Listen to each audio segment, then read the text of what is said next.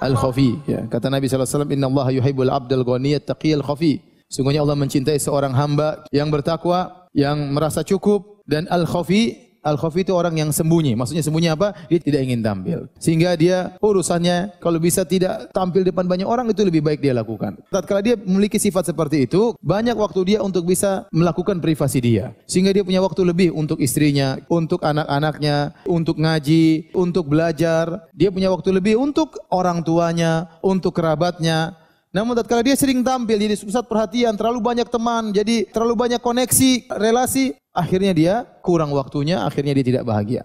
Terlalu banyak hubungan sama orang, ini juga merepotkan kita. Makanya sering katakan, apakah enak jadi orang terkenal? Gak enak, gak enak. Ada seorang terkenal, ya, cerita asistennya, Ustadz si Fulan itu kalau pergi ke mall, dia punya waktu cuma sama istrinya 10 menit. Setelah itu pasti dikerubung orang. Baru masuk mall sebentar, mungkin belum sampai 10 menit, sudah orang datang. Minta foto lah, minta inilah, minta anu lah, minta inilah.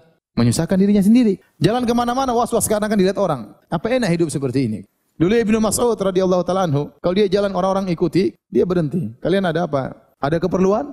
Ada keperluan dia tangani. Kalau enggak ada insorifu, pergi. Jadi enggak senang jalan diikuti oleh banyak banyak orang. Kenapa kalau kita terlalu jadi pusat perhatian, privasi kita terganggu. Makanya Nabi SAW melarang hal-hal yang menimbulkan syuhrah, menimbulkan ketenaran. Baju tidak boleh yang tampil beda. Mobil tidak boleh yang tampil beda. Motor tidak boleh yang tampil beda. Jadi pusat perhatian. Karena ini hubus syuhrah, ini penyakit. Ingin tampil beda, ingin jadi pusat perhatian. Itu tidak tidak disukai dalam syariat. Ya, kalau orang punya mobil, mobil sangat mewah, pintu cuma dua, ya, bahkan pintu cuma satu lagi, satunya loncat mungkin, bisa kebuka sendiri. Ya, kemudian orang lihat semua, apalagi jalan di kampung semua orang lihat. Tidak usah mobil seperti itu, mobil yang bisa kebuka ke atasnya saja. Ente di, di, kampung semua orang lihat atau tidak? Orang lihat. Kalau di kota orang bilang udik ya, tapi kalau di kampung, oh, semua orang, ush. Apa enaknya sebetulnya? Untuk menda apa? Ya ada kelezatan di jadi pusat perhatian, tapi itu dalam Islam tidak disukai. Itu akan mengurangi kebahagiaan kebahagiaan kita. Karena kita akhirnya mulai mencari pujian manusia.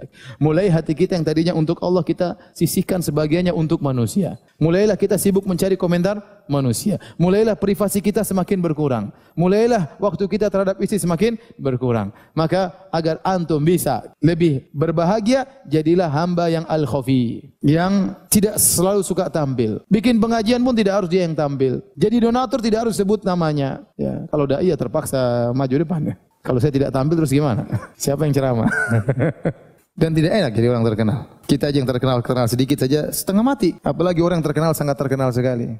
Hadirin dan hadirat yang dirahmati Allah Subhanahu wa taala, ini di antara hal yang buat kita bisa hidup lebih bermakna bagi diri kita, bagi keluarga kita, bagi orang tua kita, jangan suka tampil. Kata diri kita yang suka. Hal-hal yang buat kita tampil, hindarkan. Kenapa anda harus mencitrakan diri anda? Ngapain? Itu bikin habis waktu seperti itu. Satu dunia puji ente, kalau ente rendah di hadapan Allah tidak akan naik. Percuma. Satu dunia hina ente, tapi kalau ente tinggi di sisi Allah tidak akan pengaruh hinaan mereka. Ente konsentrasi sama Allah Subhanahu wa taala. Yang berikan kebahagiaan Allah Subhanahu wa taala, bukan mereka-mereka itu. Antum kira orang yang terkenal kemudian bahagia belum tentu bahagia tadi saya katakan tadi. Betapa banyak orang di puncak-puncak ketenarannya bunuh diri. Ya tidak? Banyak. Stres. Betapa banyak puncak-puncak ketenaran ribut sama anaknya, ribut sama istrinya. Dia di puncak ketenaran. Allah cabut kebahagiaan dia.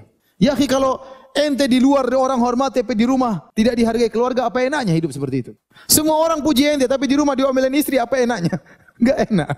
Bahkan gak satu dunia ejek ente tapi rumah istri sayang, istri puji, ente bahagia. Ya tidak. Terus sebaliknya satu dunia puji ente, ente masya Allah ente pulang di rumah, eh kek kek kek udah selesai.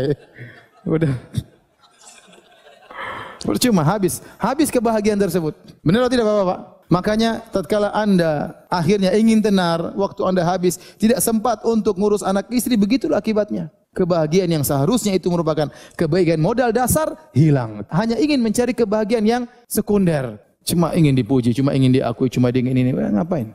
Maka segala hal yang buat anda tampil beda hindari. Nggak usah lah bikin yang aneh-aneh ya. Apalagi zaman sekarang pingin pingin viral, bikin macam-macam, bikin ya, macam-macam. Subhanallah. Buat apa seperti itu?